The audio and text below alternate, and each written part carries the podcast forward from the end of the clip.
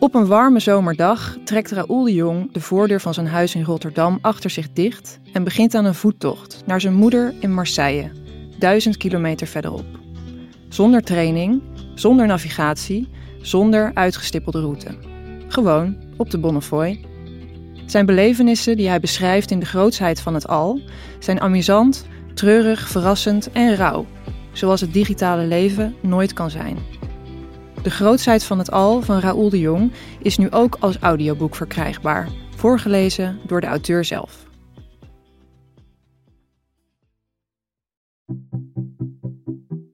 Hallo, ik ben Valentijn Hoogkamp, schrijver van fictie, poëzie en toneelstukken. Vorig jaar verscheen mijn boek Anti-Boy bij uitgeverij De Bezige Bij. Een persoonlijk verhaal over mijn coming of gender.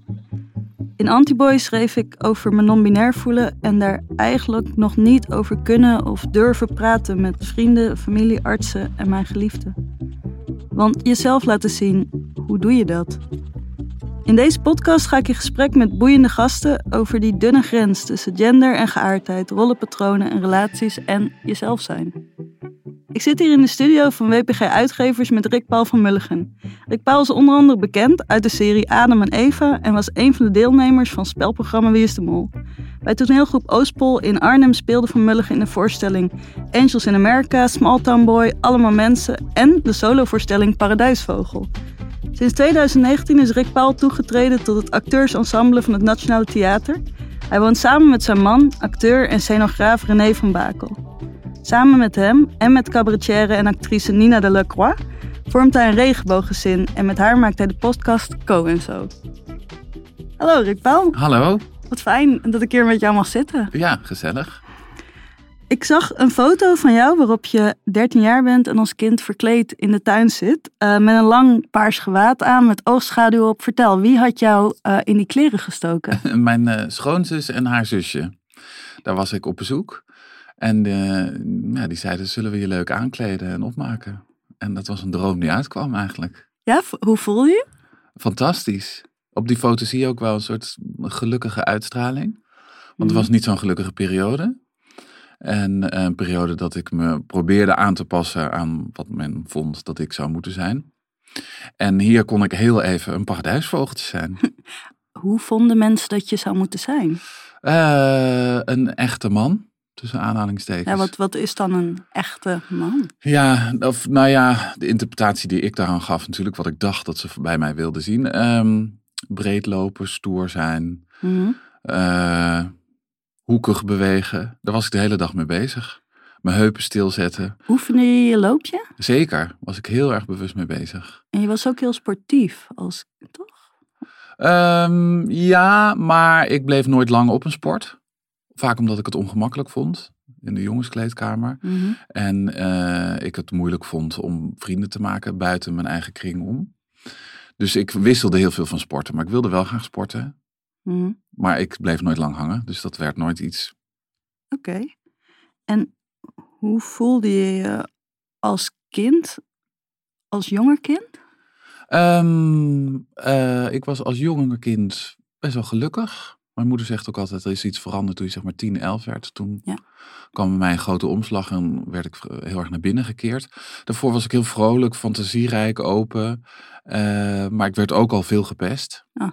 als meisje. Ik kom uit een klein dorp in Noordoost-Groningen, dus het, het begrip uh, homoseksueel was sowieso voor mij ook totaal onbekend. Dus ik was een meisje en dat was een scheldwoord, wat Ah. ik ook altijd heel vreemd vond. Dat Ja. meisjes zijn een scheldwoord Ja, was. dat, eh. Eh, maar ik had ook altijd veel vriendinnen en dus ik had ook een toevluchtsoord eigenlijk om naartoe te gaan. Dus ik het is geen jeugd vol ellende en pesterij. Ik kon dat van me afzetten en daaromheen bewegen. Maar het, was, het is altijd een element in mijn leven geweest. Dat mensen dus eh, zeiden, ben je nou een meisje? Of, Ja, en dat ik moest oppassen. Oh, loop ik vandaag alleen naar huis of niet? Of kan ik beter met die meelopen?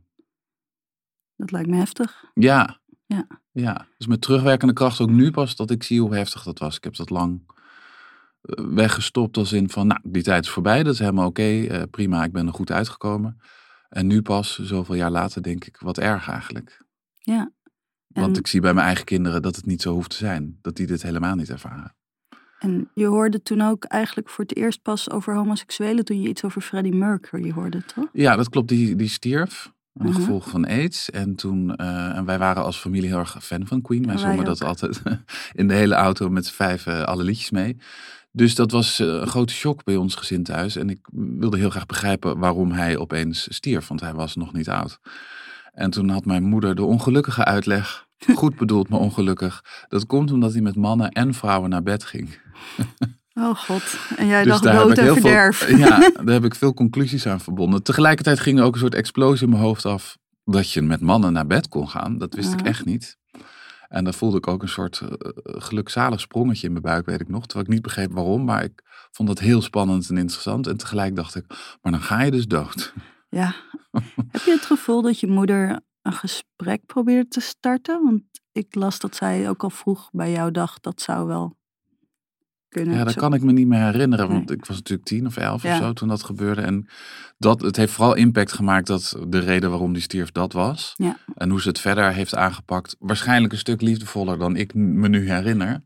Want zij eh, is daar altijd heel liefdevol over geweest toen ik uit de kast kwam. En toen ik, dus, maar eh, nee, ze heeft dat niet geprobeerd. eh. zij heeft wel lang, want ik heb later ook wel gevraagd. Toen zij zei, ik wist het altijd al. Mhm. Heb ik ook wel een tijdje gevoeld. Ja, maar waarom heb je me dan niet geholpen? En heb je het dan niet gewoon gezegd? En dat is, begrijp ik nu ook al als ouder wel, dat dat ook ingewikkeld is. Om ergens over te beginnen wat je zelf moet ontdekken. Ja, want je hebt inderdaad zelf ook kinderen. Eh, Ja, je kunt ze ook niks opleggen. Weet je, ze moeten zelf hun pad bewandelen natuurlijk. Maar je kunt wel aangeven dat je overal oké mee bent.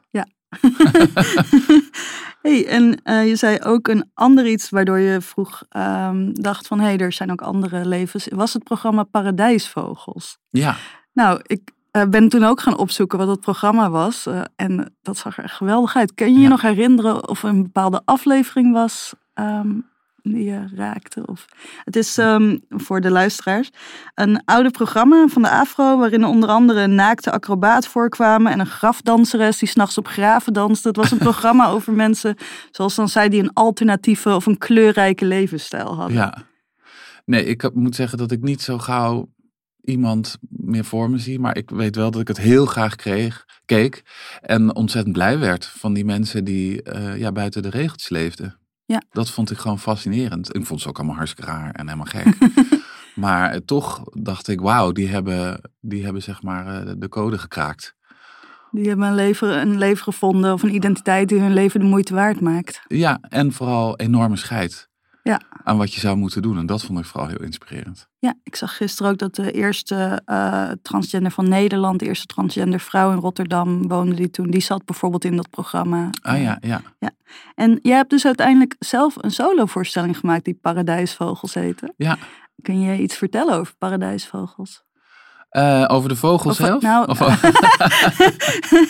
ja, ik heb dus ook een tatoeage op mijn arm waarvan ik dacht dat het een paradijsvogel was. Ik had hem zelf getekend, maar toen kwam ik er later achter. Paradijsvogels zijn eigenlijk hele gekke vierkante vogeltjes. Dat zijn niet wat je denkt van die grote kleurrijke eh, grote dingen. Het zijn een soort parkieten.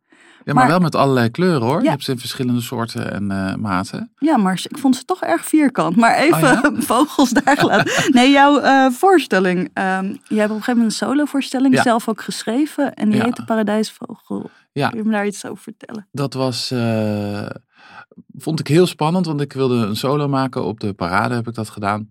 Alex Klaas heeft dat geregisseerd. En ik dacht, ehm, ik wil een komische show maken, sketches. En dan wil ik het niet over homo zijn hebben. En niet over vrouwelijk. Ik wil laten zien wat ik ook kan. Dus juist wegblijven van de paradijsvogel in mij eigenlijk. Waarom? Ja, omdat dat een beetje eh, aangeleerd is. En ook op de toneelschool waar ik eh, vroeger op heb gezeten, wilde men vaak dat ik juist die hoekige. Ik moest beren spelen en mannen die hoekig beweegden. En ik moest zoveel Mhm. mogelijk wegblijven van die fladderige kant. Want daar is geen werk in te vinden, werd mij toen ook gezegd. Dus ik wilde heel graag een voorstelling maken waarin ik liet zien dat ik dat ook allemaal heel goed kon. Omdat ik al een tijdje werd getypecast als homoseksueel in programma's. Mhm. En ik dacht, daar moet ik weg van blijven. En, eh, maar ja, als je zelf gaat schrijven, dan put je uit eigen ervaringen, eigen... En er kwamen alleen maar fladderige types uit. Komische scènes uit mijn eigen leven. En dat was een worsteling, maar uiteindelijk een bevrijding dat ik heb gedacht, nee, juist hier moet ik een voorstelling over maken. Over mijn fladderige kant, over mijn homoseksualiteit, over alle queer elementen uit mijn leven. En, uh, en heb ik eindelijk toen pas de kracht omhelst dat dat in mij zit. In plaats van de wil en de drang en de bewijsdrang dat ik ook bij die andere groep kan horen. Dat je ook hoekig kan zijn. Ja, dat interesseert me niet meer. Ik las dat je daar ook zei van, ik ging daar keer tien, uh, weet je, qua, qua fladderigheid en qua mezelf zijn. En het ging ook over biseksualiteit, toch? Welke types speelde je allemaal niet voorstellen? Of welke kanten liet je allemaal zien? Um, mijn moeder ook. Een kant van een, van een ouder liet ik zien. Mm van een jongere kant. Uh, extreme, agressieve homoseksueel. Een hele fladderige. Ja, ik probeerde alle elementen eigenlijk te laten zien. De veelzijdigheid van queer zijn ook. In plaats van alleen maar de gay best friend. Of de kapper. Ja, ja dat uh, zei je ook, dat er soms als karakteromschrijving uh, voor jou als acteur alleen maar staat homoseksueel. En dat dat dan je karakter zou moeten zijn. Ja, en dan had ik moeten begrijpen. En dan begrijp ik, en dat is het erg, ik begrijp dan precies wat ze willen zien. Wat willen ze dan zien? Ja, een soort uh, gezellige Gerard Joling. Ach. Die drie grappen maakt in een scène en bedankt dat je er was vandaag. Ja, en hoe, hoe probeer je dat dan zelf op te rekken? Uh, nou, dat soort aanvragen neem ik niet meer aan. Ah. oh, heerlijk. dat doe ik niet meer. Ik wil een, mens van vlees en bloed spelen. En als dat een homoseksueel is en hij is grappig, is allemaal prima. Maar er moet ook nog meer onder zitten. Ja. En, uh, en ik probeer daarover te praten, ook met schrijvers en uh, met ideeën bij, bij producenten, om dat op te rekken. Dat er meer te ontdekken valt, wat dat betreft. Het is een seksuele geaardheid, geen karakteromschrijving. Nee. en uh, wat is een rol waarvan je hoopt dat je die ook nog mag laten zien? Of een kant die je nog meer zou willen kunnen laten zien? Um, nou, ik heb dus een beetje losgelaten wat een bevrijding was dat de heilige gaal is. Ik kan heel geloofwaardig een heteroseksueel spelen en dan krijg ik mhm. een gouden kalf. dat is iets, we hebben genoeg mensen die hetero zijn en dat heel mooi kunnen spelen. maar um, ik wil gewoon graag laten zien uh, hoe breed het spectrum van een gay persoon kan zijn. En dat bijvoorbeeld een uh, hele agressieve, doodenge drugslord mm heel feminien kan zijn. Dat het heel spannend kan zijn. Uh, dus ik zou laat, willen laten zien dat in, uh, in de standaard enorme rek kan zitten. Ja, ik denk zelf als ik zou graag queer woede willen zien. Ja. Daar heb ik iets... Um, ik voel dat zelf soms. Ik weet nog voor toen ik nog veel meer worstelde en twijfelde van uh, oké, moet ik dan bij gebrek aan een betere uitdrukking uit de kast komen? Ik had dan nooit het gevoel dat ik voor een groep sprak. Als ik mijn eerste boek schreef ik over een meisje dat heel erg zoekt en heel erg in de war is. Maar ik dacht niet, nou, en daarmee zeg ik dat alle vrouwen in de war zijn. Terwijl ik nu heel vaak denk, ja, als ik nu laat merken dat ik ook toch wel vaak somber kan zijn of boos, mm -hmm. dan denken mensen, ja, zo zijn ze, hè? Dat is dan iets geks bij mij. Dat ik soms denk van ja, hoe kan ik al mijn kanten laten zien en ook over al mijn kanten schrijven. En bijvoorbeeld ook over woede schrijven of uh, onsympathiek zijn. Zonder dat mensen dan denken, ja, ik zou ook onsympathiek zijn als ik zo'n lifestyle had. Snap je? Dat, dat, dat voel ik nu veel meer. Ja. In wat ik vertel, maar ook in hoe ik zelf ben. Ja. Ja, ja nee, dat snap ik wel. Ook wel de verantwoordelijkheid voor... Uh als je nu een moordenaar speelt en die is homoseksueel, laat je, zeg je dan eigenlijk dat, ja, maar als je homoseksueel bent, ben je eerder geneigd om te gaan moorden. Ja, ja dat, dat vind ik ook altijd moeilijk. Maar mm daarom, ik heb net ook bij het Nationaal Theater ook Queer Planet voorstelling gemaakt. Ja, wat ook een aaneenschakeling is aan verschillende aspecten en kanten. En dan vind ik het heel fijn, omdat je dan laat zien, het kan alles zijn. Ja. En niet alleen maar een seriemoordenaar. ja, inderdaad. Meer seriemoordenaars, maar meer alles. Ja. Meer, meer verschillende. Ja. Als je dan denkt aan het geëikte plaatje de man, uh, heb jij het gevoel dat je daarin past of voel je je meer feminien? Um, ja, dat vind ik eigenlijk een ingewikkelde vraag, omdat mm -hmm. ik uh, vind dat ik 100% een man ben. Mm -hmm. Zo voel ik me. Alleen dat is niet het uh, plaatje wat heel veel andere mensen zien als man. Dus in die zin ben ik inderdaad heel feminien. Maar ik voel me, en dat heb ik vooral vroeger heel moeilijk gevonden. Uh, ik voel me gewoon mezelf. Ja. En door anderen wordt daar iets opgeplakt. Een oordeel of een label. En dat, ja, interessant, denk ik vaak. En dat daar een oordeel aan vastzit. Maar voor mij, uh, ik ben een hele feminine man. Wanneer voel jij je feminien? Altijd. Ja, ik voel me, ik weet niet wat het andere is.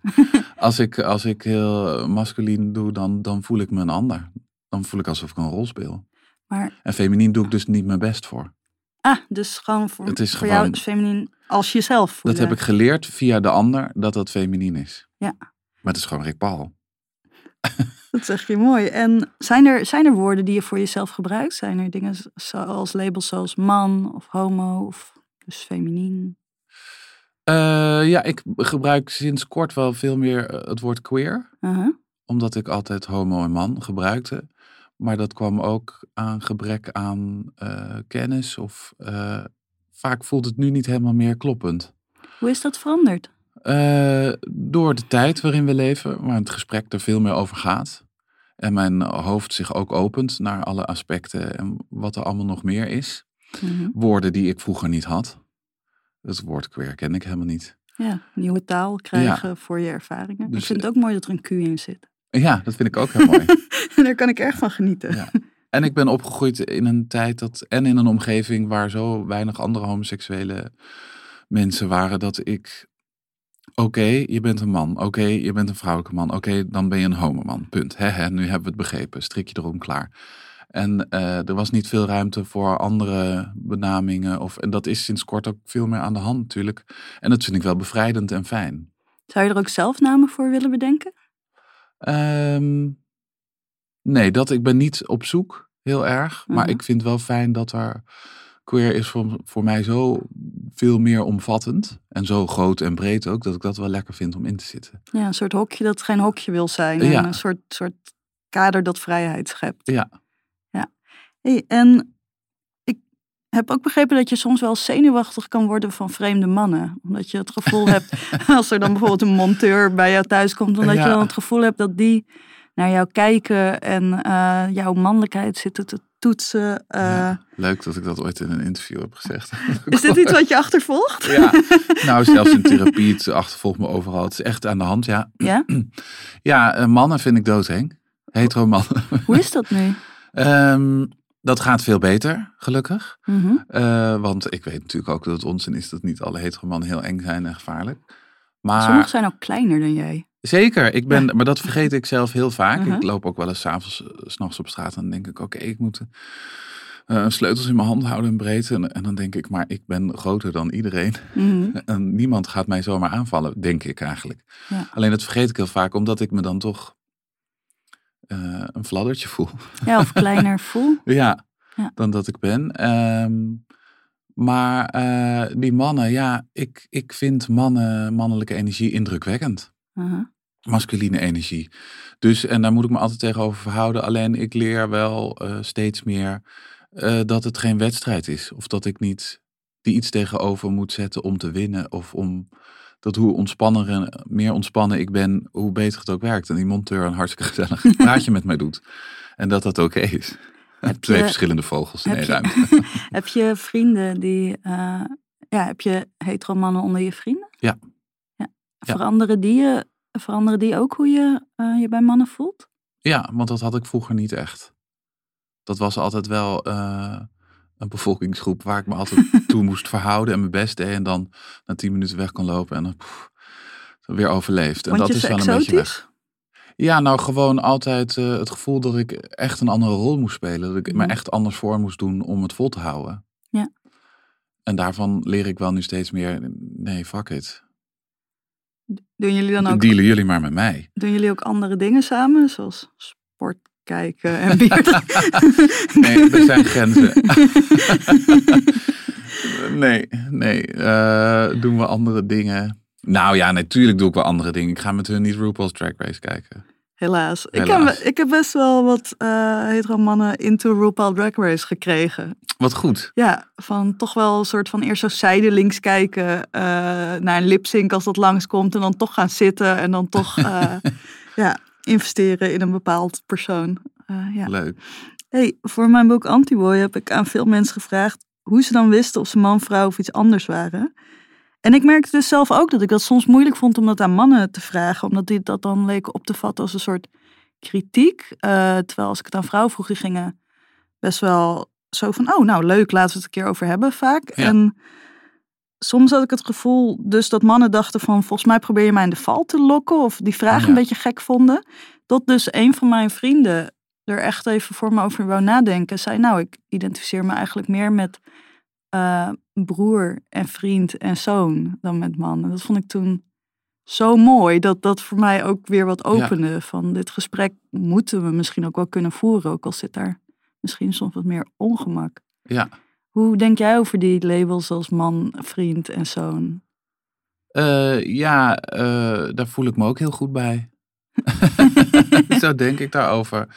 Dus in de zin, als je puur naar man-vrouw kijkt, dan, dan ben ik heel blij met het label man. Uh, Alleen ik voel me best wel een vrouw. Alleen ik, ik ben gewoon heel blij met mijn lichaam. mhm. En, eh, maar ik, ja, ik, heb, ik vind het gewoon oké dat ik een andere invulling aan man geef. Dat je het Daar ben ik oprekt, het idee van Ja. wat de meeste mensen Ja, eh, aan denken bij man. en ik heb geaccepteerd dat ik voor veel anderen geen man ben. Prima. Oké. Dat mogen zij weten. Ik wil je graag een eh, nieuw label opplakken. Ehm, ik heb nu bij de andere mensen ook dit sound effect gedaan, dus ik ga het weer doen. Nieuwe labels, labels, labels, labels. Mooi. oh, da- dank je wel. Eh, Rick Paul, Ja, ben jij een muze? een muze. Nee. Wat betekent voor jou het woord muze? Ehm, en ik denk dan meteen aan Mathilde Willink. Eh, Mhm. Die was in de jaren 70, 80 vroeger eh, de vrouw van een kunstenaar. Ja, En, en, en, en van schilderen. En zij liep in die prachtige Von Leng gewaden. Van lenggewaden met enorme make-up. En zij was een muze. Dat was ook haar levensinvulling. Want voor de rest liep zij rond en, en was zij. Mhm. En werd ze aanbeden. En ook door mij, onder andere. En eh, dat vind ik echt een muze. Dus iemand die eh, ehm, met het hele zijn inspireert. En dat, zo zie ik mezelf dan toch niet. Als een inspiratiebron. Nou, niet als een, als een lopend kunstwerk. Oh, Zo, zo- daar moet ik dan aan denken bij een muze. Iemand, lopend kunstwerk. Zijn er andere woorden? eh, ben jij een diva? of een femme fatale? ik ben wel een diva, ja. Wat, Maar in de positieve zin van het woord. Dus niet een zeur. Niet vertel, wat voor soort diva ben jij? Ik hou wel van groots en meeslepend. Mhm. Ja, dus in die zin. En eh, dramatisch kan ik ook zijn. En eh, de emoties hoog opvoeren. Ehm, maar ik ben niet veel eisend. Dus in die zin niet. Dus ik wil wel een kanttekening bij plaatsen. Ik ben geen, Dramatisch, eh, maar niet veel ik eisen. heb geen lang ijzerpakketje, dat hebben we niet. Ik ben wel vriendelijk en aardig volgens mij, maar ik vind ik, ik, ik groots en meeslepend hou ik wel van. Ja, ik ook. Ik ben daar dol op. en een, een levend kunstwerk, dat is wel iets wat ik soms nog nastreef. Ik ben nog aan het zoeken hoe ik dat zou kunnen worden. Ja. Levend kunstwerk in wording. Ik ben nu nog een beetje een schetsje. In potlood. ja. Ehm, jij hebt met, eh, met een prachtig woord, vind ik, een regenbooggezin. Mhm. Ehm, je hebt een zoon Co en een dochter Bowie. Hoe ga je dan in de opvoeding om met, met rollenpatronen? Ja, daar hebben we het veel over gehad en nog steeds veel over. En ehm, ook over genderneutraal opvoeden en wat dat dan eigenlijk betekent. Ja, wat is dat? Ja, precies. Daar hebben we het heel lang over gehad. En eigenlijk doen we het, geloof ik, best wel, maar ook niet. Dus het is niet zo dat we. ehm, ik ben nu heel blij dat Bowie is, drie en haar lievelingskleur is niet roze. Ben ik stiekem toch Wat is haar lievelingskleur? Blauw en geel, Ja. zegt ze zelf. maar, eh, en dat mag ook roze zijn natuurlijk. Alleen ik vind het, wij vinden het allemaal heel belangrijk dat zij zelf ontdekken waar hun voorkeuren liggen. Mhm. En, eh, en natuurlijk leven we in een wereld die alsnog bepaalde dingen voorschrijft. En dat kun je niet helemaal weghouden. En zal zij vast ook poppen leuk vinden, omdat ze ziet dat heel veel anderen met poppen spelen. Dus wil ze ook een pop. Ja, dat kan ik Mhm. natuurlijk niet tegenhouden. Maar ehm, ik, ik haat kermissen waar je het touwtje trekt. En als een jongetje trekt, dan krijgt hij een blauw autootje. En een meisje krijgt een Barbiepopje. Dat vind ik heel vervelend. Ja. Ik wil dat mijn kind naar de hele muur kijkt en zelf kiest. Ja, Dat vind ik belangrijk. Maar het liefst zou ik willen dat ze ook niet in blauwe en roze verpakkingen zitten. mhm. En dan mag mijn dochter best een, een, een, een pop met een prinses, prinsessenjurk aan. Vind ik helemaal prima. Maar niet omdat ze dat alleen maar kreeg op haar verjaardag. houdt Co ook van glitters en tulle? Ehm, nee, maar hij is ook niet. eh, Hij vindt nagellak wel prima en is, eh, vindt het ook heel normaal dat ik vaak jurken aan heb in voorstellingen. Vindt, kijkt hij ook niet van op. Gaat, gaat Ko naar je voorstellingen? Ja, Queer Planet heeft hij ook gezien. Oh, wat leuk. Hoe Ja. vond hij het? Ja, heel bijzonder. Maar hij is dan vooral, hij is een beetje, hij was acht, dus hij begreep niet alles. Maar hij vindt Ja. het dan heel, vooral heel trots omdat hij zegt, oh papietje, want ik heet papietje. Papietje is heel goed, hè, want iedereen lacht steeds als hij iets zegt. Wat heerlijk. Oh, dat lijkt me heerlijk voor een kind als je iedereen van je ouders ziet houden. Ja, ja, dat is heel lief. En denk je dat het opgroeien in een meer ouder gezin die kinderen ook beïnvloedt in hoe zij over mannen en vrouwenrollen denken? Jouw kinderen? Eh, ja, dat denk ik zeker. Wij zijn hun voorbeeld natuurlijk. Mhm. Ehm, eh, we hebben, Nina heeft een keer eh, per ongeluk of niet helemaal per ongeluk een gesprek met zijn vriendjes gehoord. En die vroeg heel open, oh ben je dan ook homo omdat je papa's homo zijn? En dat hij zei, nee ik denk niet dat ik homo ben. Ik denk dat ik alleen ben later. Net als mama, want dat vind ik heel mooi. Oh, En dat vond ik allemaal heel positief. Dat er Ja. een gesprek onder jongens was over homo zijn, wat zonder oordeel ook van die vriendjes was. Gewoon denk je dat je ook homo bent. En dat hij het ideaal van zijn moeder had, die alleenstaand is. Wat ik ook heel mooi vond. ja, dat vind ik, want dat hoor je ook natuurlijk niet vaak dat dat een ideaal kan zijn. Nee, want dat is, dan, dan is het niet helemaal gelukt. Of dan moet je nog iemand tegenkomen. En dat is voor haar ook niet per se zo. Mhm. Dus ik ben heel blij dat het ook gelukkig en rond overkomt. En dat hij dat ook als een ideaal kan zien. En merk je al iets aan Bowie? Nee, maar Bowie is ook heel groot en meeslepend. Daar past Diva zeg op. Die is vooral nog met zichzelf bezig. Wat probeer je je kinderen mee te geven over gender en geaardheid? Ehm, dat alles prachtig is. En dat ze er mogen zijn. En dat ze er al zijn. En dat ze dus eh, in deze wereld welkom zijn. En wij er altijd voor ze zijn. Dat. Lief. Wat goed. En nou, we hadden het natuurlijk ook al eerder over dat tegen jou echt wel vaak is gezegd van zo moet je niet zijn of dan zul je bepaalde rollen niet kunnen spelen. Hoe heeft dat jou beïnvloed? Eh, heel erg.